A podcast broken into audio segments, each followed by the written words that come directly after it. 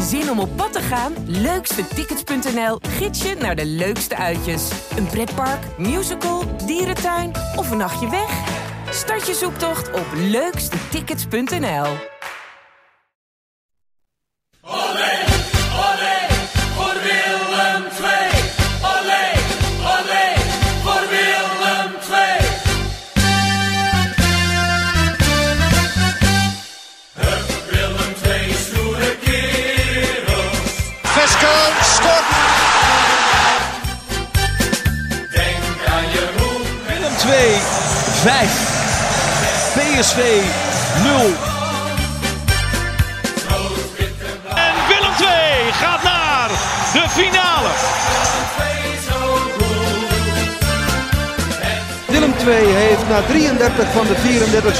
de Champions League bereikt.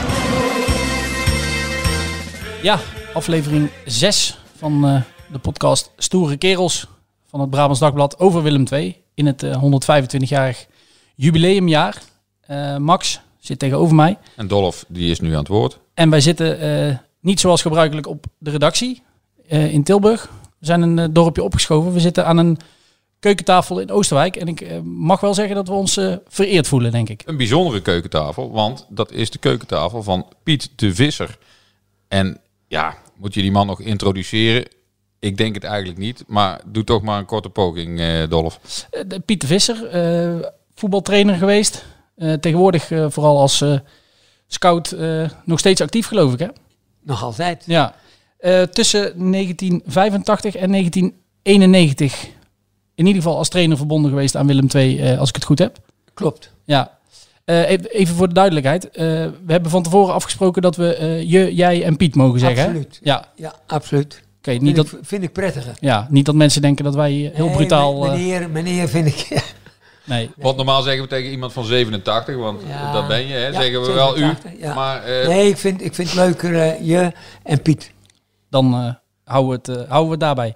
Piet, als we dan beginnen. ehm, je woont in, in Oosterwijk eh, nog steeds. Eh, terwijl het toch al heel wat jaren geleden is dat je bij eh, Willem II werkzaam was.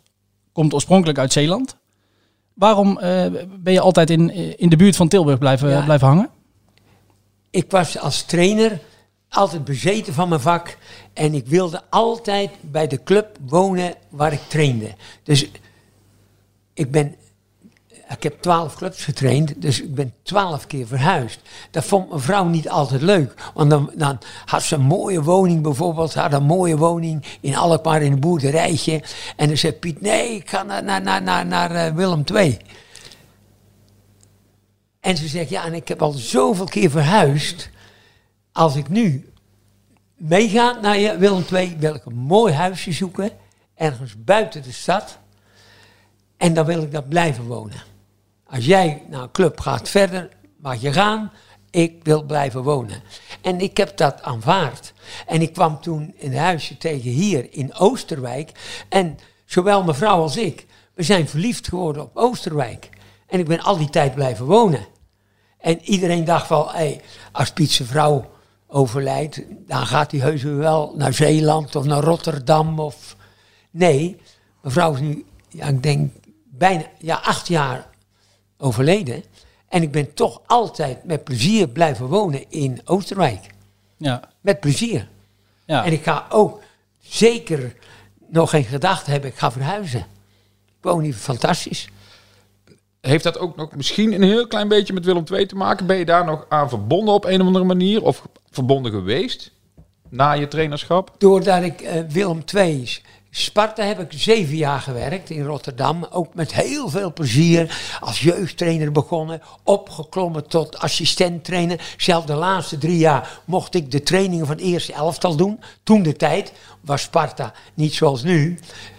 Werden wij 59 waar ik er was. En ik was erbij in het Olympisch Stadion. Dat Sparta landskampioen werd. En Dennis Neville was mijn Engelse manager. Maar die zag dat de jonge Piet goed kon trainen. Goed met de jongens overweg kon. En die zegt, jij gaat de trainingen doen. Eh, Dat was fantastisch. En ik, ik, ik hier dan bij Willem II 6,5 jaar. Dus dat zijn wel clubs die altijd nog in mijn hart zitten. Zo ook wel, moet ik zeggen, de Graafschap met heel veel plezier gewerkt. Drie jaar. Want we, we vragen altijd aan eh, onze gasten. En bij de een is die link wat, wat duidelijker nog aanwezig dan bij de ander. Maar welke rol speelt Willem II nu nog in uw leven? In je leven, excuus. Ja, Willem II speelt een rol. Altijd kijk ik, eh, waar ik ook na Willem II was, altijd in mijn scouting, het eerst als ik in het buitenland zat, of naar Brazilië was of Afrika, ik keek altijd toch weer naar de uitslagen van Willem II, Sparta ook altijd. En dat, er is altijd een, een, een liefde geweest. Even is het ook een, een, een haat-liefde verhouding geweest, moet ik ook eerlijk zeggen. Daar komen we ongetwijfeld nog op. Een hele periode. Maar uiteindelijk heeft de liefde altijd overwonnen voor Willem II. Is in mijn hart. En, en ik, ik hou altijd nog van die club. En het doet me pijn als het niet goed gaat. Ja. We hebben een, een tijd... ik, wil altijd nog wel een, een, iets, iets doen dan. Maar ja, Ja. dat is ook niet zo makkelijk dan. Nee, snap ik. Want een, een, een tijdje geleden, u heeft mij misschien niet gezien. Je hebt mij niet gezien. Ik moet er nog een beetje aan wennen. Je hebt mij misschien toen niet gezien, maar toen Willem II in de winter op trainingskamp was hier in Oosterwijk, Ben ik erbij. toen zag ik eh, Joris Matthijssen eh, Ik, ik aankomen heb rijden. hele goede contacten met Joris Matthijssen. Ik hield van hem als voetballer. Eenvoudig, sterke stopper. Eh, ik, ik hield van hem als voetballer. Maar ook als mens. Het is een fijn mens. En ik heb altijd tegen Joris gezegd... Ik vind het fijn dat jij bij Willem II gespeeld hebt... en terugkomt daar als, als technisch directeur. Je kan altijd als je iets wil weten aan mij, rustig vragen. Ik hoef niet betaald te worden. Ik, hoef, ik ben altijd open om eh, iets te melden over Willem II. Omdat ik een goede klik met jou heb. En heeft hij jou wel eens, nog heb. heeft hij jou wel eens gevraagd? Ja, ik deed samen met Fransje Bouwmeester. Is altijd al mijn lievelingsspeler geweest vanuit NAC. Vooral Feyenoord, toen ik bij Sparta was. Is altijd mijn voetbalvriend. Tot en met, tot altijd vandaag. Bellen we elke dag bijna. En met Frans heb ik ook altijd een goed gevoel bij Willem II. En samen hebben we gezegd tegen Joris, als hij iets wil weten, wij willen altijd een keer bijspringen. Maar we willen niet in de weg lopen bij de andere mensen. Dus we willen ons niet opdringen. Maar ze kunnen ons altijd vragen voor een speler of een... een en Want jullie zijn allebei scouts, Piet. Dus je zou zeggen, jullie, misschien prijzen jullie wel eens een speler aan. hebben we gedaan. Maar we hebben ook... eh, ik heb zelfs een, een, een, een jongen uit mijn academie... eh, of samen uit mijn academie, die ik begeleid dan... eh, de jongen Diego Palacios. Via mijn vriend Danny Walker doe ik samen zijn academie, geef ik adviezen. En ik heb toen hem kunnen brengen een jaar naar Chelsea, eh, naar Chelsea, naar eh, Willem II. En die heeft het fantastisch gedaan. En daar ben ik dan ook blij om. Linksback, hè? De linksback. Speelt nu in de- in Amerika? speelt eh, hij speelt nu bij eh, LA. Doet fantastisch. Speelt bijna alles mee in de, in de hoogste divisie daar in, in, eh, in Amerika. Maar dat is één spelertje, Piet. Nee, we hebben er wel meer eh, aangekaart. We hebben er wel meer aangekaart. En doen ze er dan altijd iets mee bij Willem II? Of? Niet altijd. Want zij hebben ook hun eigen scouting systeem. En ja, daar is de scouting, hoofd van de scouting is eh, eh, Gerard Wielaert. Gerard Wielaar. Daar heb ik en Frans hebben daar minder contact mee. We hebben ook gezegd, we willen contact houden met Joris. Vind ik een fijne vent, man. We even helemaal teruggaan naar het, eh, het, prille begin. Hoe eh, belandt een jongen uit Oost-Soeburg, Zeeland, in de voetballerij? Ja, dat is heel vreemd. Daar snapte niemand wat van. Nee. Want zowel van mijn moeders kant, grote boerderij op Seroskerk, hè, boerenmensen, hele familie. Mijn vaders kant in, in de Grote Abelen, dat is Oost- en West-Soeber. Grote Abelen is een gehucht. Daar woonde mijn opa dan, de, de, de, de, de, de vader van mijn vader. En ook allemaal boerenmensen. En mijn vader had een grossierderij opgebouwd in groente en fruit. Dus voetbal was niet aan de orde. En Pietje die wilde altijd voetballen. En het mooiste was, dan moest ik mee op de auto bij mijn vader. En dan stonden de groentekisten daar. En dan klopte die op de, op de, reed hij in de auto, klopte die twee kisten bij groenteboer Teunissen. Eh, Drie bij, toen moest ik de kisten eraf zetten. Op een gegeven moment reden we bij Middelburg naar Soeburg. En daar zie ik ze voetballen. En Piet springt van de auto, die gaat mee voetballen. Ja, een behoorlijke standje van de oude heren gehaald Ja. natuurlijk. Maar ik vond dat zo fantastisch. Dus het was echt met de paplepel ingegeven. Ik had nergens iemand in de familie die aan voetbal deed. Of ook zondags naar de kerk. Maar niet voetballen. En toch, dat voetbal greep me aan. En mijn vader wilde me, want ik was wel een slim ventje in de groente ook, in de zaak hebben. Maar ik, ik wilde dat niet. En ik heb toen uiteindelijk net zo lang gezeurd dat ik op een voetbalclub mocht. En ik mocht naar de Zeeuwen. En ik voetbal in de Zeeuwen, dat is ook wel leuker te zeggen. Met de vader van Daley Blind, Danny Blind, was de rechtsback in de Zeeuwen B. Met mij als rechtsbinnen kampioen. Na de aangelijk kampioen, wij. We hadden een prachtig elftal. En eh, wij, wij debuteerden. Ik, eh, hij was ietsje ouder, denk ik, eh, Danny. Hij was met zijn 17e, 18e eerste van de Zeeuwen.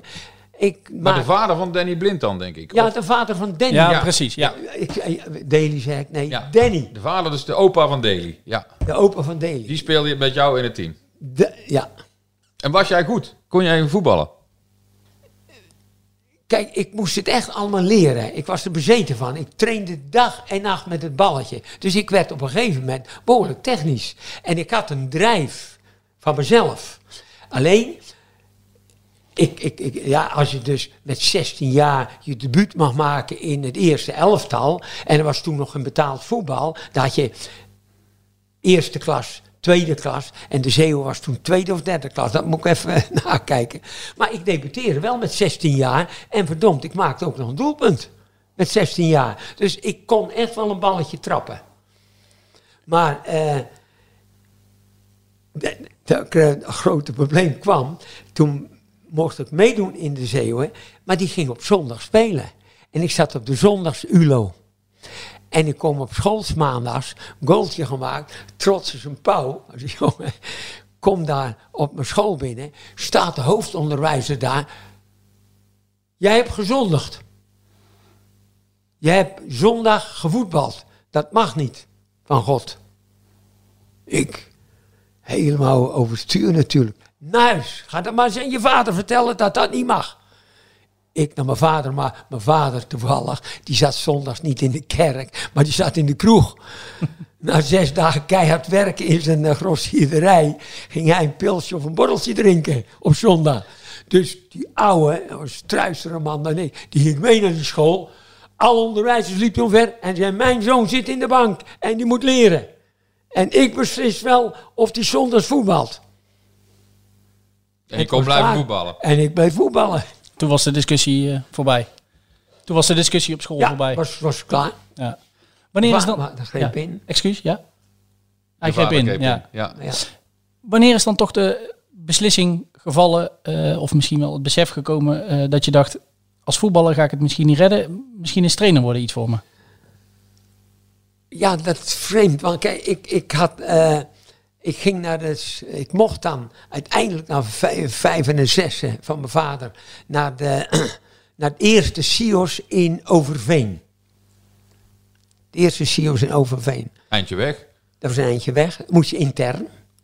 En dat heb ik gedaan. Dus ik kwam helemaal in de voetbal. eh, en eh, ik moest eerst mijn Zeeuws nog een beetje afleren daar. Want ik werd in de maling genomen door de Amsterdammers natuurlijk. Met mijn Zeeuwse tok. Maar ik liep morgens dan vroeg in het bos eh, eh, spreken. Een beetje Hollands leren. En ik heb daar een fantastische tijd gehad op het eh SIOS. En ik heb daar aangesloten bij RCH. En daar was het jammer, hè. Eh, Dat, die werden kampioen van Nederland en ik mocht altijd reserve staan. Maar ik mocht niet invallen. Want ze zeiden dan, ja, die, die jongen die is tijdelijk hier van Sios, die, die gaat toch weer straks weg. Dus ik kreeg niet de kans boven hun eigen jongens. Dus dat vond ik wel heel jammer dat ik een verkeerde keuze heb gemaakt met RCH.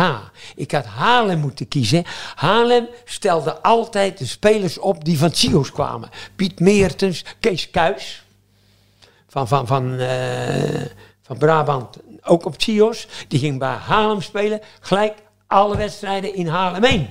En later naar NAC. En dat vond ik altijd wel jammer. Ik heb nooit uit kunnen testen hoe goed had ik kunnen worden. En dat is wel jammer natuurlijk. En dat vind ik wel jammer. Want, en toen kwam het geval dat mijn vader zei, ja, en nu? En na mijn diensttijd dan, ben ik, kreeg ik een aanzoek van, eh, van Sparta als fulltime, eerste fulltime jeugdtrainer in Nederland. En dat heb ik natuurlijk moeten doen, want toen kon ik om mezelf gewoon in Rotterdam mijn eigen centjes verdienen en zo een carrière opbouwen. Maar ik vond het altijd jammer, toen mocht je niet meer voetballen. Nu mag je trainer of voetballen eh, als je jeugdtrainer bent. Ik mocht niet meer voetballen. Dat was toen in die, eh, dat was toch toen uh, amateurvoetbal. En ik deed met trainingen wel eens mee. Als een mannetje tekort hadden bij Sparta 1. En ik draaide lekker mee. Ik was geen krek, maar ik kon goed mee door mijn drijf. En ik had me helemaal suf getraind op technische oefeningen. Ik kon goed dribbelen. Links of rechtsbeen maakte mij niet uit.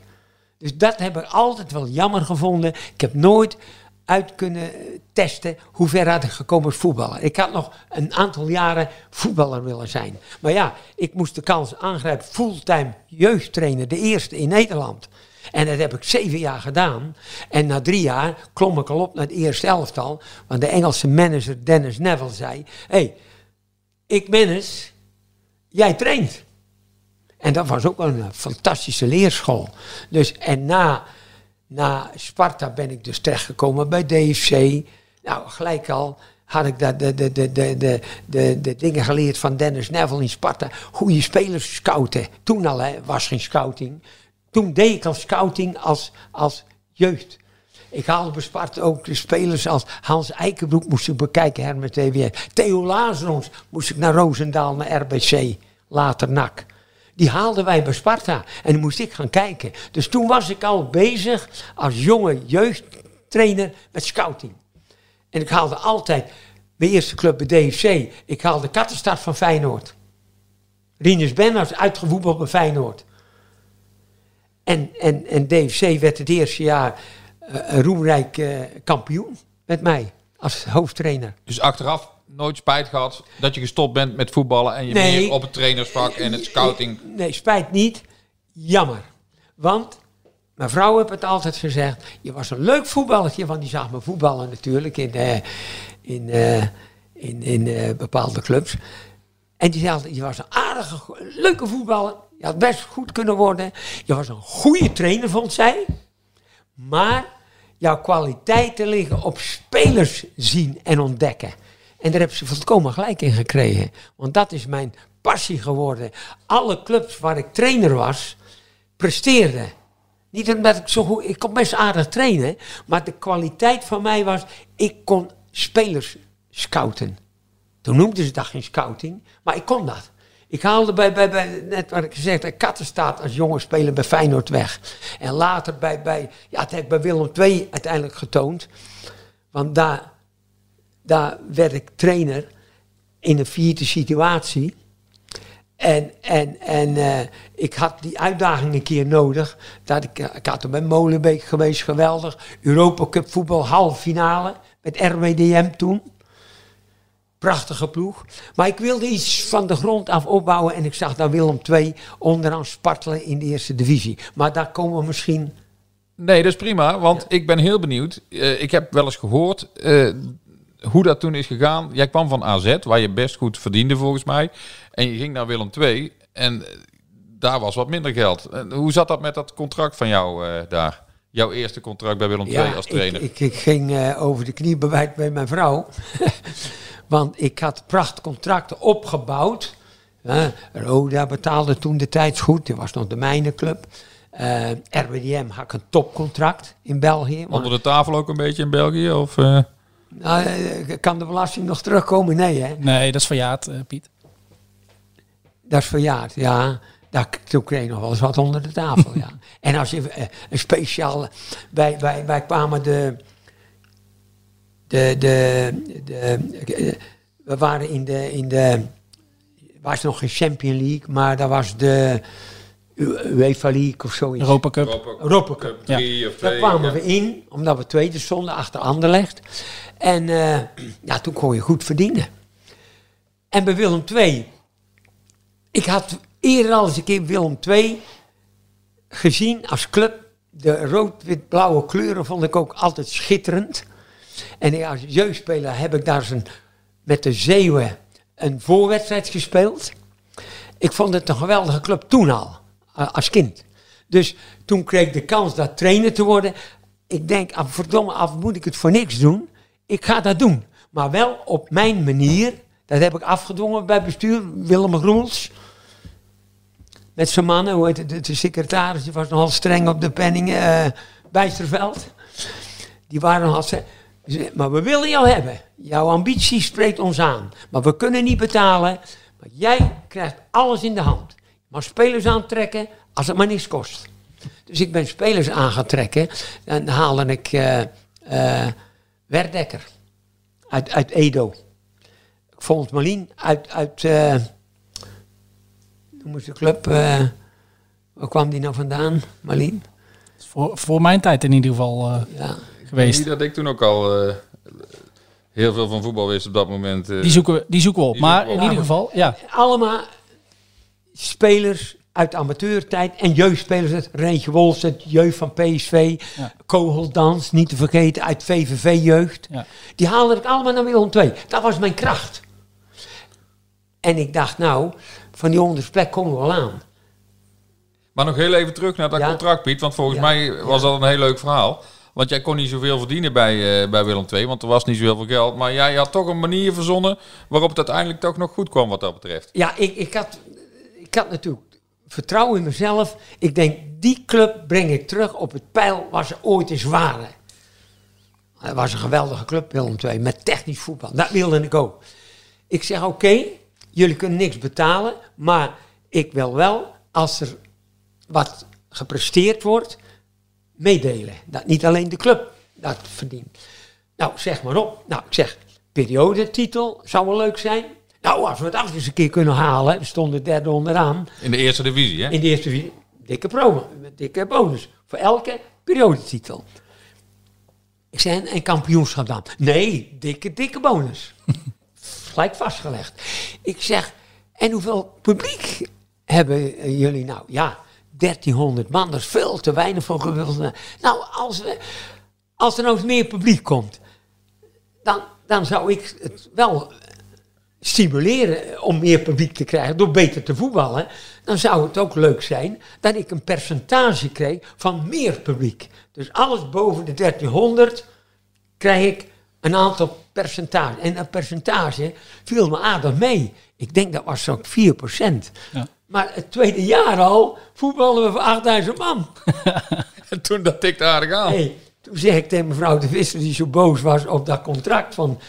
van we- het, het, een derde van AZ-contract had ik. Moet je nagaan. hè? Een derde. Het basissalaris, zeg maar. Ja, dat was maar een derde van wat je verdiende Ja, daarvoor. ja. Ik zeg, en eh, mevrouw de Visser, hoe gaat het met de financiën? Ze zegt, het gaat heel goed. Bonussen gaat al voor de periodetitel, bonus kampioenschap, eh, bonus publiek. Nou, nou, ja. het is voor elkaar. Want jullie, eh, jullie werden toen eh, kampioen inderdaad. Jullie promoveerden hè? Ja, als nummer twee dacht ik. Oh, hè? sorry. Ja, Ja, als nummer twee. Maar dat had je ook ingebouwd. Promotie was bonus. Promotie was bonus. Ja, promotie. Ja, klopt. Hoe was dat jaar sportief? Eh, uiteraard goed, eh, Ja, vanwege de Het promotie. eerste jaar niet. Nee. Toen ging het nog niet eh, crescendo. Wel de na-competitie gehaald. Na competitie wel gehaald. Als dus nummer vijf. had ik. Ja. Maar we hadden nog niet het elftal om te promoveren. Dat voelde ik zelf ook. Dus ik trok er niet zo aan. Ik zeg, ik heb nog een jaar nodig om te promoveren. En, en toen hebben we nog een paar extra mensen aan kunnen trekken. Edwin Godet las ik, André Staffleu. Ja, nee, André Stavleu en Werdekker, die zijn pas gekomen toen we gepromoveerd waren. Oké. Voor de promotie hadden we de, de, de, de topaanval had ik als enige kunnen kopen. En dat was omdat we Bakker verkochten. Bakker werd verkocht voor ton of anderhalve ton. En van dat geld werd Bud Brokken teruggehaald. Ik was altijd een enorme fan van de techniek en de voorzet van Butje Brokken. Ik zei, die wil ik altijd terug hebben in Willem II. En toen Bakker verkocht werd, heb ik gelijk gezegd, nou dat geld niet daarin, dat is voor Butje Brokken. En daarna hebben we ook nog Godet aan kunnen trekken. Met ook een som van een andere verkoop. En dat was, ik denk, een van de verdedigers. eh Wilson, kan dat? Wils, Wil, Wilnis? Of? Eén speler werd er, Wilson, ja, die werd aan, aan Twente verkocht en Bakker aan Groningen, of Ja. andersom. Ja. Maar in ieder geval Wilson en Van Bakker die waren er. twee haalde ik Butje Brokken en Godet later. En die twee hebben die ploeg opgestuurd. En ik bouwde de ploeg, want ik was altijd ook een hele fan van Veskens. Veskens was de man op dat middenveld van box to box. Die was achter, die was op middenveld en die was voor. En, en, en daar heb ik een ploeg omheen gebouwd. Veskens op het middenveld, met Brokken aan de wing en Godet op het middenveld. Ja, en toen ging het lopen. Medok haalde ik als non-league speler. Die, die kostte ook nog niet de amateurprijs van 3000. Die kwam helemaal vrij mee, maar die schotte er 50 in in twee jaar. Oh. Dat was de scouting die het hem deed. Ja, spelers die onbekend waren, die, waar Onbekend. niemand iets van verwachtte. Ja, Ja. onbekend. Ja. En daar succes mee geboekt. Ja, Frankje van Stralen. Eh, dat was een eh, hoepeltje. Die speelde bij, bij, bij, bij Longa. En, en ik had hem... Iemand zei me dat. Ik zei, laat hem eens komen trainen dan. Hij deed mee. Hij kon helemaal niet mee. Maar ik zag zijn techniek. Zijn dribbel. Ik zeg, hey, ga gelijk naar boven. Contract tekenen. Maar ik zeg, dan... Elke dag twee keer trainen, want er moet 10 kilo af en je moet een prof worden. En dat heb hij ook gedaan. En die speelde fantastisch, Frankje Verstralen. We hebben het nou over 1987 zitten we ongeveer voor de luisteraar. Ja. Ja, ja toen je jullie promoveerden, dus dat was hartstikke mooi. Eredivisie weer. Eh, ehm, ja, en ook toen ging het weer goed in dat eerste seizoen in de Eredivisie. Ja, toen, hebben, eh, in eh, toen hadden we eh, weer geen geld eigenlijk om direct te kopen. Maar ik haalde toen eh Werdekker uit Edo. Alleen 3000 eh, eh, gulden kostte dat. En ik haalde heel belangrijke speler, Stavleu, bij Vitesse vandaan, die daar geen contract meer kreeg. Die, die, dat was een bekende Feyenoord-speler. en op zijn nadagen, maar die was op zijn fit als een hoentje. En die twee hoorden gelijk in het centrum, Werdekker en Stavleu, en die regelden alles daarachter. En, en Maddock maakte de doelpunten voor. En Butje Brokken gaf de voorzetten. En, en Veskes en Godet waren de meesters op het middenveld. Dus een prachtige ploeg. Wij, wij, wij werden gewoon vierde. Die hele as was natuurlijk Ja, het uitstekend. was fantastisch. Maar uit het niets, hè. Dat had helemaal geen geld gekost. Dus we hadden echt... Dat jaar heb ik het meest genoten van, van die spelers die uit het niets echt top speelden. Ajax uit, Feyenoord uit, gewoon geweldige wedstrijden. Dat was mijn mooiste jaar ooit eh, die ik meegemaakt. Uit het niets een elftal opgebouwd die gewoon in de eredivisie meespeelde. Een naam die net eh, ook al even viel. En daar zit wel een, eh, ja, hoe moet ik het zeggen, indrukwekkend eh, en triest verhaal ook aan. is Ruben Kogeldans. Ja, kogeldans, ja. Toen heb ik echt traantje gelaten, ja. Kogeldans had ik, eh, want die, die, die kon blijven bij VVV als talent, maar ik hoorde weer, eh, ik, ik, ik, ik had altijd contact met, met mensen in de voetbalwereld. Dus ik wist, die ging naar de sportopleiding in Tilburg. De, de, hoe heet dat? De, de, de, de, de- SIOS, om leraar te worden. Nee, de SIOS niet. De ALO. De ALO. Pabo, De, ja, de, de, de sportacademie. Ja. Sportacademie. Ik denk, hé, hey, die gaan naar Tilburg. Ik gelijk erop af. Zeg, ja, moet gaan wonen daar en gaan voetballen in Willem II. Dan hoef je niet altijd naar, eh, van, van, van, naar VVV. Ja. En verdomd, hij tekende als amateur. En gelijk in die eerste al, hè. Want Cohen raakte geblesseerd. Dat was mijn volle vaste rechtsback. was ook een goede, goede rechtsback, eh, Cohen. Maar die raakte veel geblesseerd. En Kogeldans gelijk in de eerste eredivisie meedraaien. En eh, toen was ik met het Nederlands jeugdelftal op toernooi in Toulon. Waar ik altijd ben, 30 jaar lang al. en ik was dan met Frans Bouwmeester om spelers te scouten voor Willem II. En ik had daar van Willem II ook later Van Gobbel gehaald van Feyenoord. Of van NAC. Voor niks ook. Die had de fiets gepikt. Eruit geschopt. Ik hé, hey, kom maar bij mij. Dat kost nul. Maar jij krijgt drie fietsen. Maar en nooit eentje wegnemen. Had ook nog voetbalschoenen gepakt. En voetbalschoenen krijg je zoveel je wil. Maar vragen netjes. En dat heb je gedaan.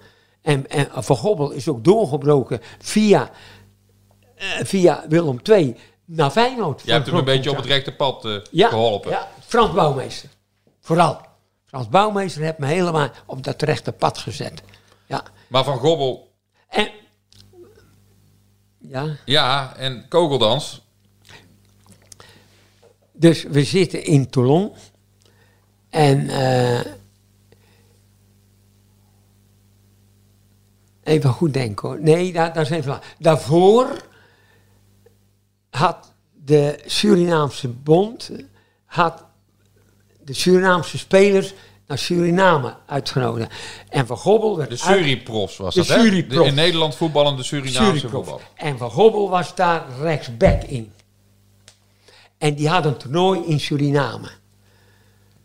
En dan moest Van Gobbel kiezen tussen Surinamers in het alfabet of in Jong Oranje In Toulon. in Toulon. Toen heb ik gezegd, Van Gobbel, voor jouw carrière is het beter, jij moet naar Toulon gaan. Toen kreeg ik de commissie van Suriname op mijn dak. We hebben geen rechtsback. Jij haalt onze rechtsback weg. Eh, dat is nou zonde. Ik zei, dan heb ik voor jullie een rechtsback. Dus ik naar Kogeldans toe, wil jij een Surinaams elftal meespelen? Ja, graag natuurlijk. Ik wil mee naar Suriname. En dus Kogeldans is meegegaan. Ik ben met Van Gobbel in, in Toulon. Ik werd door de KVB-man die daarbij was, Kees van, eh, van Aken was dat, bij mijn groep. Hij zegt, kom eens bij me nou op mijn kamer, er is iets gebeurd. Dus ik had een vrouw die toen al erge hartklachten had. Ik denk, potverdomme, eh, mijn vrouw hè. Dan zaten we in een gebouw daar en daar was geen lift. Dus we moeten, ik weet niet hoeveel trappen op. En dat duurde lang hè. Dat duurde lang hè, voordat hij iets wat zei. Ik zei, wat is er dan? Nee, op mijn kamer rustig uitpraten. Dus ik denk, mevrouw is eh, overleden. Dus ik kwam er helemaal down binnen. Hij zegt, ga zitten, want er is iets akeligs gebeurd van over het Surinaamse elftal. Het elftal is verongelukt en jouw jonge eh, eh, kogeldans is omgekomen. Je denkt, dat het is niet mevrouw, was blij. Nou, ik was helemaal niet blij, want Kogeldaan was ook een pupilletje van mij. Er was een jochie die ik zelf opgespoord had samen met Frans Bouwmeester. En daar hield je van, omdat hij gelijk uit het niks meedeed in de eredivisie. En ik had hem gepoest daarheen te gaan. Nou, ik had, ik had echt, echt een hele blackout. Hele blackout. Nog altijd, als ik kogeldans lees of zie, dan voel ik weer, ik heb hem geduwd. Ik heb, had ik het maar niet gezegd. Maar ja, daar had ik waarschijnlijk van Gobbel laten gaan. Dus ja, dus mensen hebben ook gezegd, dat moet jij niet aantrekken. Maar een mens is een mens. Ik heb me dat altijd een beetje aangetrokken dat ik kogeldans gepromoot had voor het Surinaamse elftal die omgekomen is. Ja, toch enigszins eh, schuldgevoelens daarover Ja, gehad. eh, ja, ja, Ja. Ja. We hebben het over de, de SLM-ramp in, in Ja, het 1989. vliegtuig wat Ja. neergestort is Ja. toen. Ja, Ja. maar goed, hij vond het hartstikke mooi dat hij mocht. Hij vond het fantastisch. Hij was zo blij. Hij was zo blij. En zijn familie ook, dat hij daar betaald door het elftal naar... Heb jij nog wel eens contact met die familie gehad Ik, heb, daarna? ik, kon, ik kon niet... Ik heb direct gemeld dat ik het heel erg vond natuurlijk. Maar ik heb ze niet direct onder ogen kunnen komen. Want ik heb mijn assistent Adrie Koster zelfs naar de begrafenis moeten halen. Ik kon niet naar de begrafenis. Ik kon niet aan. Ik, Ja. zat zo, ik ben echt wel, wel sterk van mentaliteit, maar ik kon dat gewoon niet aan. Ik zat er zomaar in. Ik vond ook niet alleen een fijne voetballer, het was ook een, een fijne jongen. Dat was zo'n fijne jongen. Eh, Ik, ik had er echt heel lang verdriet van gehad. En nog, je ziet het, Ja. ik, ik krijg nog weer natte oogjes van kogeldans. Echt, en dat is al een tijdje terug. Ja. Ja, echt. Ja, Nou, bij deze ja, ter nagedachtenis aan... eh, ja. Aan ja, Ruben. moeten we doen. Ja, ja. ja, ja. En ook een verlies voor Willem II. Dan was een dus. verlies van Willem II, want we hadden geen opvolger voor hem. Nee.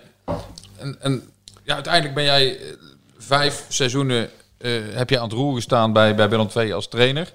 Eh, toen ben je heel eventjes weg geweest en kwam je ook nog eventjes terug. Dat was allemaal niet zo'n succes. Nee, eh, ik verwijt mezelf dat ik niet op tijd weggegaan. Ik was een man, dat bleek gewoon ook bij al mijn clubs. Mijn eerste jaren haalde ik alles uit eh, aan spelers. Ik was echt een, niet een tiran, maar een goede. Ik haalde ze. Kijk, ik had bijvoorbeeld Veskes, die werkte gewoon hè, in die tijd. Die haalde ik van zijn werk 's morgens. Sprak ik met die baas, hij moet een uurtje trainen. En dat deed ik met mijn Raymond, dat deed ik met al die gasten. Dus ik haalde alles uit die spelers om maar goed te worden. En op een gegeven moment ja, ben je dan ook, ook, ook, pik je alles eruit. En ik heb altijd in mijn kracht geleefd dat ik zei, op tijd moet ik andere uitdaging zoeken.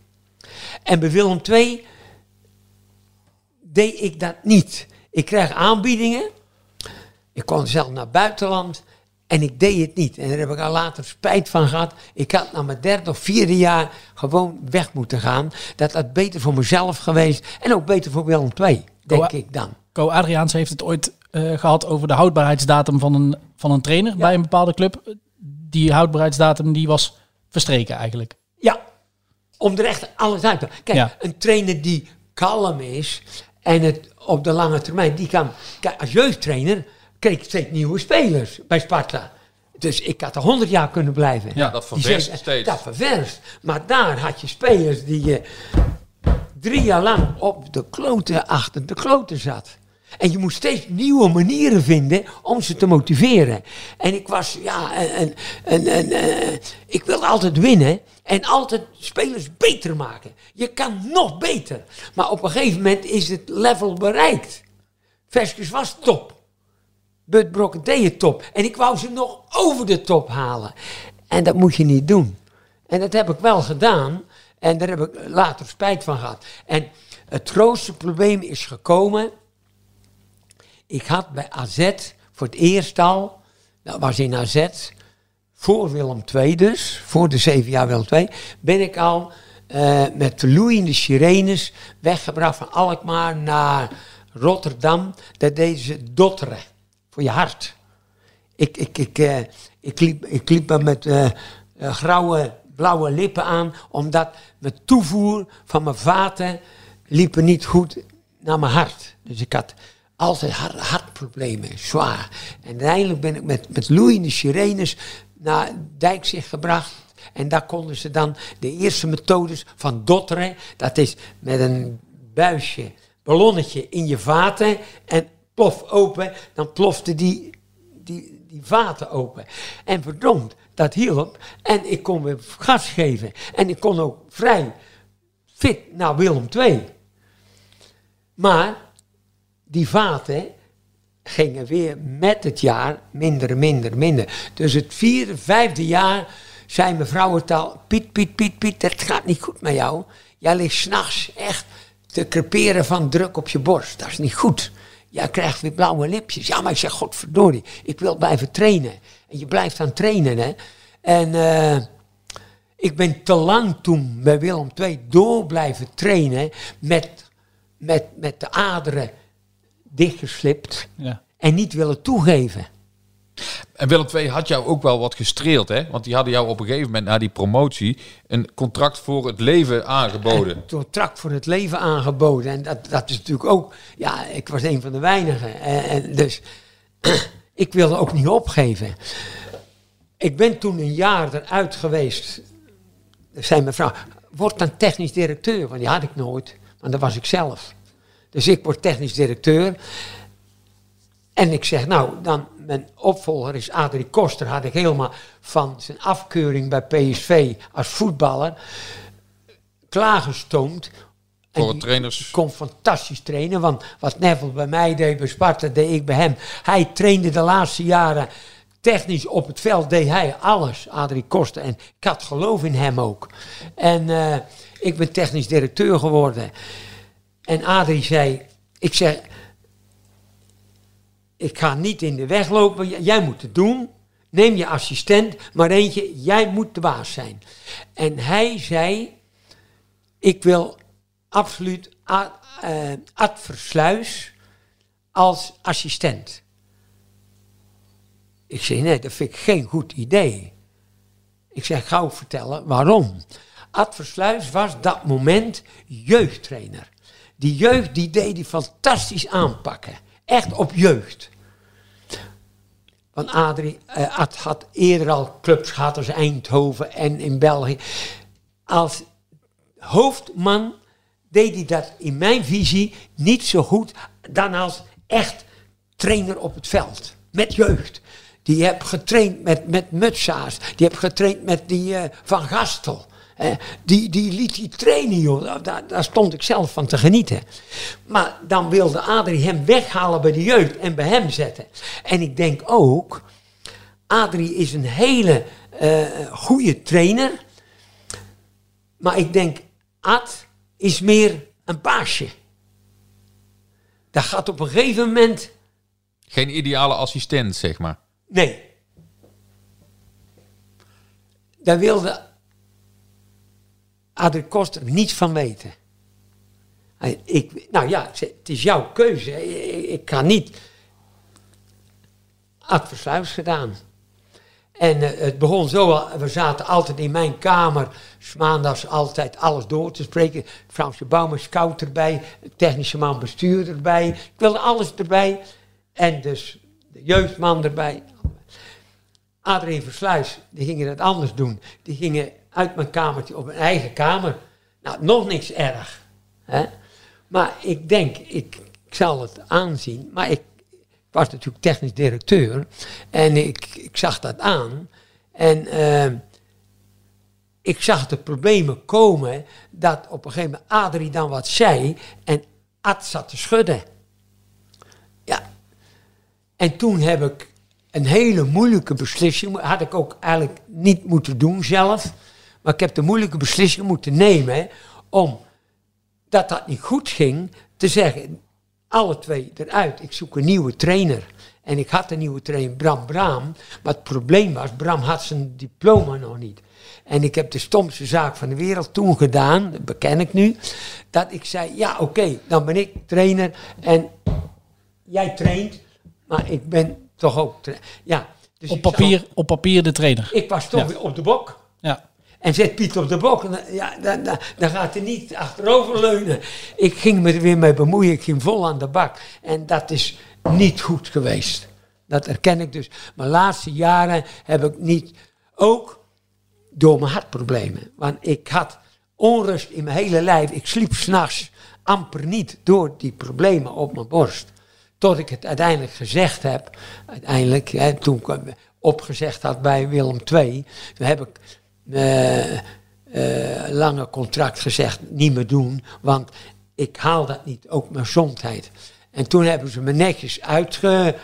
eh, Dat, dat levenslange contract hebben ze toen afgekocht. hebben ze eigenlijk netjes afgekocht. Dat heb Groels en eh, oh, mijn man Jan van Tuyl was toen de technische man. Heb je netjes gedaan dat als ik niet direct wat zou krijgen, even per, per dingen hadden ze dingen eh, Bouwde af. afgebouwd, ja. Dus dat hebben ze heel netjes gedaan. Maar het was geen goed afscheid van Willem II. En het was toch mijn club. Is het nog goed gekomen met Adrie Koster? Eh Adrie Koster En met jou? is het goed gekomen. Want Adrie, die geloofde nog steeds niet. En ik kan indenken dat zij de pest aan mij hadden. Adrie en Ad Versluis, dat weet ik 100%. En ook terecht. Maar Adrie werd aangenomen bij Roda. En hij nam Ad weer mee. Ik denk, niet doen. en daar ging het echt fout. En toen ging niet Ad eruit, maar Adrie moest opdoeken daar en Stevens kwam en die kon Ad aan. Zit- Dus Ad bleef Met Stevens. en Adrie... En, Adrie. en toen had Adrie wel door dat het toch niet helemaal. Dus later heb ik eh, eh, hem ook gebeld. Dat met speet dat het zo afgelopen is. Dat ik in hem toch de man zag voor Willem II voor de toekomst. En nu hebben we gewoon normaal goed contact. Goed contact. Jij zei straks aan het begin van het gesprek... eh, ja, het is niet altijd even goed geweest tussen mij en Willem II. Wat is dan die periode geweest dat het minder was? Ja, in die periode. Dat was dat. Dus de hartklachten. Ik zag het dan ook niet helemaal meer scherp. Ja, dat ging niet, niet, niet, niet goed. En namen ze jou dan dingen kwalijk ook toen? Nou, nee, heb ik eigenlijk nooit zo gehoord. De jongens waren ook niet, hadden ook veel natuurlijk aan mij te danken. Kijk, spelers als Veskens waren gewoon amateuren in wezen. En die heb ik opgekrikt tot volwaardig prof. Dus ik heb altijd goed contact kunnen houden met Veskens, Brokken ook altijd. En Werdekker heb ik naar Ajax kunnen brengen nog. Ook voor Willem II. Ik heb hem voor 3000 gehaald en ik heb hem verkocht voor Ajax. Ook nog even een steuntje mededelen. Dat ik voor Willem wel goede dingen heb gedaan. Dat ook in die tijd belde ineens Ajax op. De, trainer heb gezegd. Nee, jij moet even komen praten met, eh, met de voorzitter van Ajax. Ik zei, waarom? Ja, we willen een speler van jou. Nou, ik zei, als je speler wil, dat wil ik niet, want ik heb een goed elftal. Ik wil mijn speler houden. Ik ging bluffen, hè. Ik wist wel dat er een Werdekker ging, want ik had al lang gehoord. Ze hebben een stopper nodig, een grote vent. En Werdekker had verdomd goed gespeeld. Dus Hans kwam al bij me. Ik zei, altijd doen Hans, maar ik weet wat er gaat gebeuren. En, en dan kijk je in, de, in het contract van Hans. Die had een contract, daar konden we 3,5 ton. Dat, was, dan moest je uh, vragen naar het vermogen van het contract. Maar de mensen van Ajax belden me. "Nee, Je moet komen. Ik zei, ik kom niet. Ik wilde. Ik zei, verdomme. Die Werdekker speelt onder de roof van Ajax. Ik sloof me uit om hem te ontdekken en te winnen voor mijn kleine club Willem II. En jullie halen hem onder, om mijn vlerken vandaan. Ik zei, dat vind ik ook nog onbeschoft. dat is natuurlijk lulkoek, want zij mogen willen wie ze willen. Ja, maar wij betalen. Ja, ik zeg, maar dat kunnen jullie niet betalen. Want als je hem wil hebben, dan, dan moet je ook flink zijn. Ik zeg, ik wil 7 ton. Dus twee keer zoveel als dat je eigenlijk zou kunnen vragen. Hij zei, nou, ik, en ik gooi gelijk de hoorn erop, hè. Belde terug. Ah, en Piet, we moeten er toch over kunnen praten. Er is niet over te praten. Niet één cent minder. Ik zeg, ik heb toevallig ook al uit België een aanbieding. En die kunnen misschien meer betalen. Maar die aanbieding was er niet. Wel, nee. Nee. Spelen. Ja. Dus het werd 7 ton, denk ik, Het eh, werd Piet. volkomen 7 ton. En ik zeg, dan werd ik er doen. En ik zeg ook nog tegen Werdekker, ik zeg, pas op hè. Na een jaar ben je terug. Nee, zegt hij, ik pas wel aan. Hé, hey, Werdekker, hey, twee maanden mocht hij meetrainen. Als hij in de midden stond in positie, maar kwam er niemand uit. Hij had die, die snelheid niet van die prof van Ajax. Eh, Jij wist dat. ja, wist ik. Dus ik zat moeilijk met Willem, eh, Willem II toen.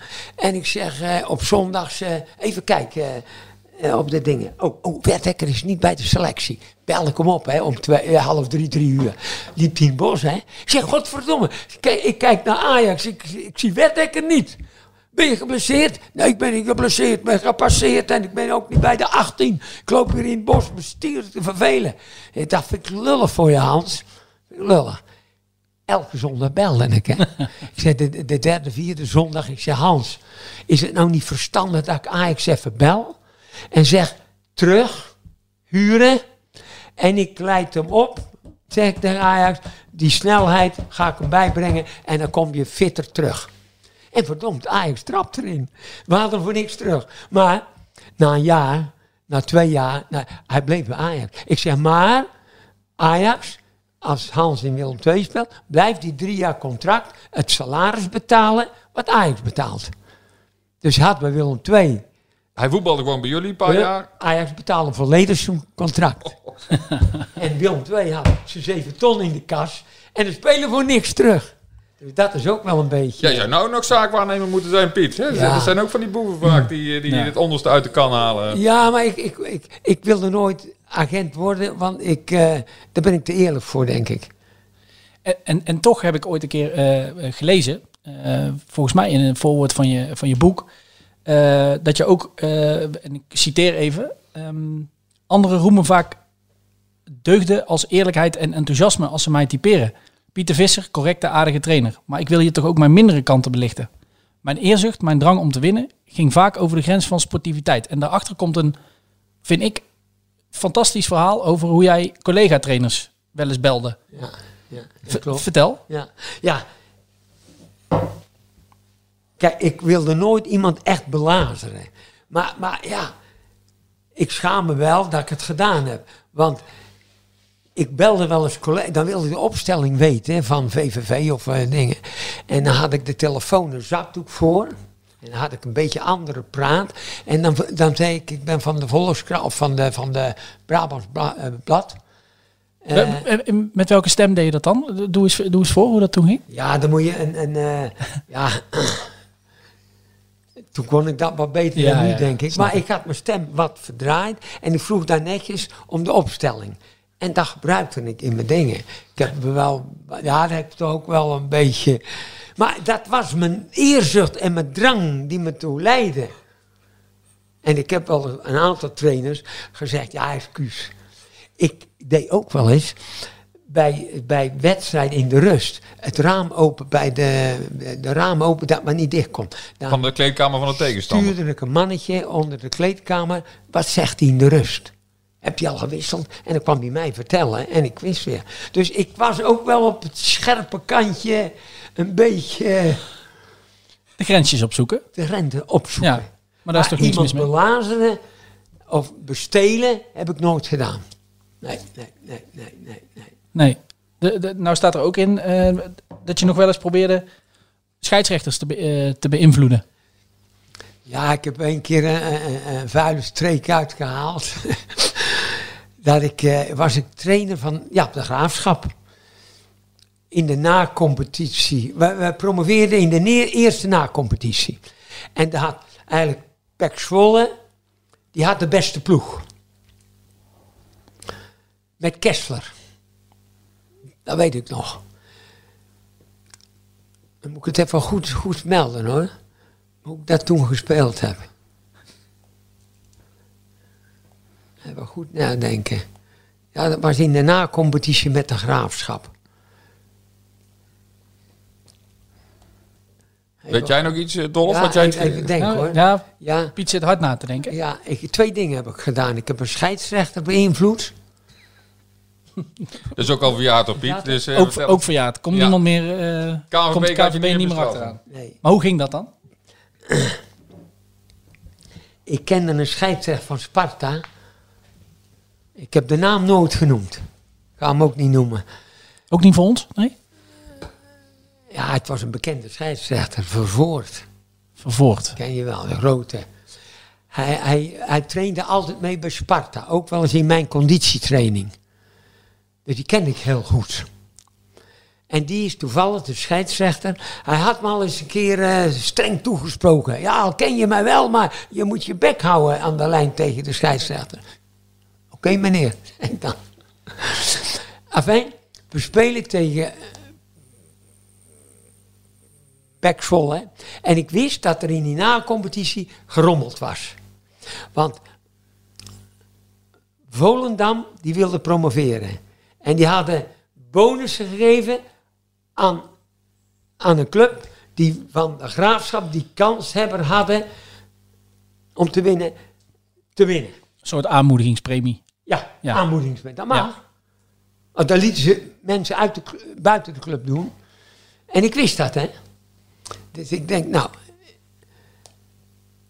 En toen was het eh, bij, eh, bij... Wij komen bij PEC. En Kessler was het... Ah, Piet, ik heb er ook niet... Ik heb geen kans meer. Eh, eh, speel die wedstrijd, ik ken jou, lekker voetballen. Ik vuile boef. jij bent benaderd door Volendam. Dat wist ik gewoon. Dat wist ik. Hé, hey, vanaf de eerste minuut, hè, gas erop, hè, dat Pok Zwolle. Gelijk 1-0 voor Pek Zwolle. Ik keek zo eens naar Kessel. Dat is niet vriendschappelijk eh, tikken, hè. Ik geloof dat we 2-1 achter kwa- kwamen nog. Dus ik denk, dat gaat niet goed, man. We, we echt overlopen. Dus ik, ik ging bonje maken aan de lijn. Ik ging echt eh, een beetje eh, provoceren. De scheidsrechter. Hij komt naar me toe rennen. Gelukkig was ik in keer het veld ingelopen, dat niemand het hoorde. Ik zei van de voort, nou zeg ik het één keer, als je me nu nog één keer aanspreekt. Maar denk erom, hè. Je weet toch dat ik jou gezien heb met een vreemde vrouw, hè. In Amsterdam in de bar, hè. Jij weet het toch, hè. En ik ken jouw lieve vrouw, hè. Ik bel ze gelijk, hè. Hij ging gelijk veld in. Niks meer gehoord, hè. Kreeg een penalty. We wonnen 4-2. was een lullig. eh, En gepromoveerd ook nog? Of? en gepromoveerd. Ja. Wij promoveerden met de Graafschap daar. In Rollen. Als je, het hele spel gespeeld. als je daar nou op terugkijkt, eh, vind je dit ook een voorbeeld van de grens opzoeken? Of denk je nu van, nou, dit was misschien dit iets te weg? niet doen. Dit Nee, moet- ik, zou, nee, als ik, ik heb trainers opgeleid ook. Ik zei dat ook wel. Wel ver gaan om te winnen, maar niet over de schreef. Ik ben toch wel eens, als ik nu eerlijk zeg, wel eens over de schreef ga. Door de drang om te winnen. Ja. De drang om te winnen. En ook omdat ik voelde dat ik zelf. Kijk, ik zou het nooit gedaan hebben als, als ik dat niet gehoord had over Zwolle. Dat ze ook in het. Complot Ja. zaten, zeg maar. Als iemand strijd wilde, dan trad ik niet terug en denk, hé, hey, dat is mijn pakje. Dan zat ik midden in die strijd. Ze moeten Piet niet eh Dat, belazeren. dat was, iedereen zegt ook Piet, heel aardige man, lieve man. Maar ze moeten Piet niet in de strijd zetten, want dan vecht hij zich helemaal kapot. En dat heb ik altijd gedaan. Ja, en, en ook, ja, dat is misschien een raar bruggetje, maar ook met je gezondheid. Je hebt heel veel overwonnen natuurlijk. Hè? Ook mijn gezondheid. Ben, ja, ik had eigenlijk eh, dood geweest in, in jaar. Toen was ik 60. Mijn derde kankeroperatie. Toen heb ik het ook opgegeven. Een keer, en mijn vrouw zei, ja, ik krijg je niet meer aan de, aan de praat. Dat had ik al, eerder met het hart. Maanden moeten even... En gelukkig Joop Ooms, die heeft me toen eh, op het paard gezet. Die heeft me geholpen. En twee jaar na die hartop... Vijf bijpasses, hè. Zo dicht was ik bij de dood. Als ik een maand wacht, is het misschien gebeurd. En daarna kreeg ik twee jaar later slokdarmkanker. Een geluk dat ontdekt werd, want ik had onderen diarree steeds en ze ging onderen kijken. Zegt een dokter in de Eindhoven, boven kijken met een camera. En dan ziet verdomme een plekje op mijn slokdarm. Jong gezwel. Haps genomen. Kanker. Nou, toen zei ze ja. Mijn moeder was toen eh, overleden. En hetzelfde plekje kanker. Midden in Slokdarm. Zelfde plekje. Overleden in, in een goed jaar. En die moeder was zo sterk als wat. Want haar zussen werden 105. eh, Broer 103. Vader eh, 98. En zij 60 dood. En dat had ik, en dat was per ongeluk, omdat die vent keek, gezien. En daar wilde eigenlijk ook niemand direct op opereren na mijn hartoperatie. En dat heb ik in het eh, AMC in Amsterdam gedaan. En daar ben ik verlost van die slokdarm helemaal eruit. En toen mijn maag open gesneden. Dus ik heb een buismaag van hier, de keel, tot mijn darm. Dus eet heel moeilijk. En viel ook 25 kilo af en het heel moeilijk. Veel mensen leven een aantal jaar daarmee, is bewezen. En Piet leeft er 20 jaar mee. Niemand in de, in de, in de ziekenhuis snapt dat. Ja. En daarop kreeg ik nog weer een keer kanker. Toen gaf ik het even op. En toen, eh, toen zei ik dat eh, tegen Abramovic, heb ik ook nog nooit verteld. Ik zei tegen Abramovic, dit is voorbij, Roman. Ik moet nu voor de derde keer voor kanker weer dat hele traject, en eerst drie maanden eh, therapie, chemotherapie op die kanker. Daar kan het niet meer. Hij springt op uit zijn stoel. Hij zegt, nou, you shine now 10 or 20 years voor Chelsea. Ik kijk en ik ging, daar ging even denken. Wat zegt hij nou? Ik ga dood, dacht ik. En hij wil jou 10 of 20 jaar vastleggen. Ja, Ja. Dat, dat, past niet Nee, helemaal. toen denk ik, godverdomme. Toen kwam ik thuis. Ik zei dit tegen eh, mevrouw Colombo. Ik zeg, snap jij dat nou? Hij zei, als hij dat vertrouwen in jou hebt, dan heb jij het ook. Aan de bak. We gaan eraan werken. Dus we hebben het weer verzorgd. En ik zit er nog. Ja. Heel typisch. Ja, en door die eh, operaties en door het allemaal te overleven, eh, heb je uiteindelijk, en dan komen we denk ik bij het, eh, het laatste hoofdstuk van jouw werkzame leven, om het zo maar te noemen, ben je nog jarenlang topscout geweest. Ja. De hele wereld overgegaan. Ik, ik, ik, even kijken. Ik deed de operatie. Mijn, mijn hart, dat was ik net gestopt als trainer. En toen was Arnees en advocaat waren bij eh, PSV. Rijver stopte de, de scouting internationaal. En die zeiden, goddomme Piet, dat is wat voor jou. Ja, ik, ik heb nog eventjes eh, een hartoperatie te doen. Zegt de advocaat, jij kan overal tegen, ik ken jou van de haven, dat was mijn speler. Frank, geen probleem, gewoon tekenen. Maar ze wist ook dat ik in de, in de, in de, in de afkeuring zat. En toen hoefden ze maar een klein beetje te betalen, hè, de vijf flikkers. Dus ik was voor, ik, toen moest ze 2000 per maand betalen voor een internationaal scout, want ik zat in de afkeuring. Dus het, het, het kwam PSV ook wel, eh, ook wel, goed, uit. Ja. En ik heb dat prima gedaan en, en ben er doorheen gekomen. En eigenlijk heb dat scouting mijn leven ook gerekt. Ik kreeg er zo'n plezier in. En ik kon nu echt spelers brengen bij PSV. Die, ja, ik bracht er ineens eh Gomez. eh, die niemand kende. Maar ik wist dat Keeper, mijn vrienden in, in, in, eh, in, eh, in eh, Brazilië. En daarna kwam dan Abramovic samen met PSV voor, voor Chelsea. En voor, voor- met Reker heb ik problemen gekregen bij eh, PSV. Toen ben ik gestopt bij PSV. Na 13 jaar hè, bij PSV scout geweest. Kampioenschappen aan de vleet, hè, doordat ik Gomez bracht. Alex van, van, van, van eh, eh, Chelsea gekocht, maar die was geen international. Dan mocht je niet voetballen in Engeland. Ja. Ik zeg, nou, Weet ik nog wel een clubje, dacht jij.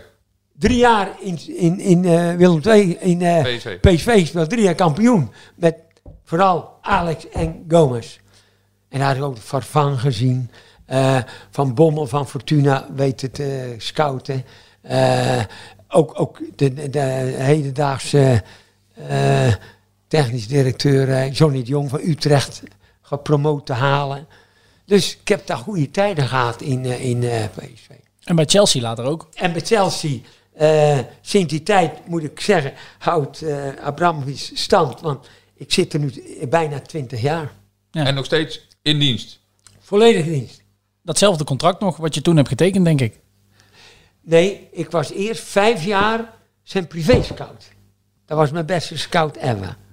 Privé voor hem. Ja. Toen was ik in zijn helikopter, op zijn boot. Was ik helemaal in dienst bij hem. Ik moest hem ook het voetbal wegwijs maken. Dus over wedstrijden praten en, en alles uitleggen. Vijf jaar lang. En toen zei hij, kreeg hij een andere vrouw, een jongere vrouw. Piet, nou ga jij alleen naar Chelsea. Dus nu ben ik nog de laatste tien jaar ben ik alleen scout voor Chelsea. Maar ik stuur altijd nog de rapport ook naar hem op. Vindt hij leuk. Ja. Ja. Maar ik ben nog gewoon bij Chelsea. ja, prachtig. Gisteren nog Ellen eh, de hele Afrika Cup eh, scouting opgestuurd naar Chelsea. Zit ik al die wedstrijden te kijken. Wie gaat Chelsea halen? Oh, vast even een primeur voor ons. Wie gaat Chelsea eh, allemaal halen van die Cup, Afrika? Er waren er nog pareltjes eh, bij. Ik heb, ik heb eh, een paar keer de gele kaart gehad doordat ik namen te vroeg noemde. dat moet ik niet meer doen. Dat moet ik niet meer doen. Nee. Ik heb nog wel één, één vraag. We, we noemen net eh, een, een- aantal geweldige spelers op die je, eh, die je hebt ontdekt. Ja. Als je één of twee spelers zou moeten eh, noemen, zelf kritisch zou moeten kijken, dat je denkt, daar had ik zo'n hoge verwachtingen van en dat is nooit iets geworden. Ja. ja, die heb ik er. Zoals? Bonfin, PSV. Ja. Die hebben wij gezien in jong Brazilië op de wereldkampioenschappen. Ik had hem al gezien in Brazilië. Fenomeen in de club eh, in Brazilië. Fenomeen. Mocht ook helemaal niet weg die tijd. Toen op een gegeven moment de club in de problemen zat, heb ik gepoest om hem weg te krijgen voor veel minder geld. Maar toch nog wel veel. En ik vergeet het nooit. Ik zeg, dat is een dure jongen. Ik wil dat de Christische scout met mij nog een keer mee gaat kijken voor Bonfim. Ed van Stijn. Ja. Hele goede scout. Lang bij, bij, bij hij, hij met Klaas van Banen altijd samen. Hè? Ik zeg, Ed, jij moet mee en jij moet je oordeel geven over. Ik ben laaiend over. Jij moet kijken. We hebben vier wedstrijden gezien op de wereldkampioenschappen onder 17. Hij de totale uitblinker met, met zoveel voorsprong. Alle andere landen. Hij op middenveld. Maar middenveld, hè? Middenveld. Ed zegt, jij bent Lion, ik ben super Lion. Dus die gaf ook top. Nou, aangetrokken.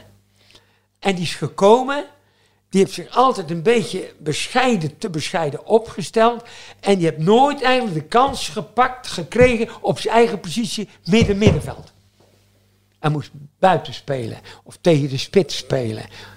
En, en, en dat, dat, dat kon hij niet zo goed. Dus van twee kanten, hij liet het liggen, maar de club ook, Ja. de trainer. En ik heb 100% gezegd, dat is een middenvelder, midden, midden. ja. En dat is mislukt. En daar heb ik echt ook spijt van gehad. En voor zover ik weet, is die jongen verder daarna ook nooit ergens Nee, doorgebroken meer. hè? daarna heeft hij een verkeerde agent genomen, die hem elk jaar bij een nieuwe club drukte om dat geld voor die Ja, agent. ja, ja. En dat is ondergang geworden. Maar ik heb hem nog zien spelen in Vasco da Gama. Dan was ik op de tribune. Hij had het gehoord. Uitblinker in de wedstrijd, hoogste divisie. Hij kwam een sub netjes brengen. Ik heb het nog ergens hangen. Van Vasco da Gama. Leona- Leonardo Bonfim, man of the match. Ja. Dus dat kon hij nog wel. Dat zijn toch momenten waar je het dan ook voor doet, denk ik, Piet. Hè? Dat Ja. je dan Ja. zo'n jongen dan weer tegenkomt, Ja. dat hij zijn shirt aan ja, jou geeft. Ja, ja, ik had altijd de contacten met hem. Ik had hem altijd op het middenveld gezet. Hij kreeg die kans niet. Ja. Zonde. En, en ja, en zo hebben we nog wel meer spelers dus die je hoog inschat en het net niet halen. ja. Maar, dat is het risico. ook- maar je hebt er ook, David Luiz, zei iedereen, die speelde derde divisie in, in, in, eh, in Brazilië. En ik zit daar, dat is mijn man, zei ik. En waarom weet ik, ik zie daar niets, hè. Ja. En iedereen lacht hem uit. En PSV wilde hem niet. Chelsea al helemaal niet. Zeg, jullie krijgen allemaal spijt. Hij gaat uiteindelijk toch door zijn managing naar Benfica. Hij gaat eruit blinken tot en met. Tot uiteindelijk Rome weer bij. Ja, Piet, we need a good, good defender. Hij zei, hij- ik, ik heb het al gezegd twee jaar terug. David Luiz. Ga nu maar kijken naar Benfica. Hij is uitblinken daar. Hij is ook gelijk gekocht. Maar niet meer voor eh, Een happenkrats, maar voor de volle prijs. dikke money. Ja. Ze verkochten hem nog voor veel meer geld naar Parijs. En weer teruggekocht. Ja. Dat was een speler die uit derde divisie alles uit zijn carrière haalde.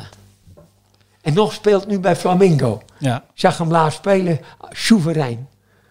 En er waren helemaal geen, in de jeugd, nooit een Braziliaan jeugdhelftal.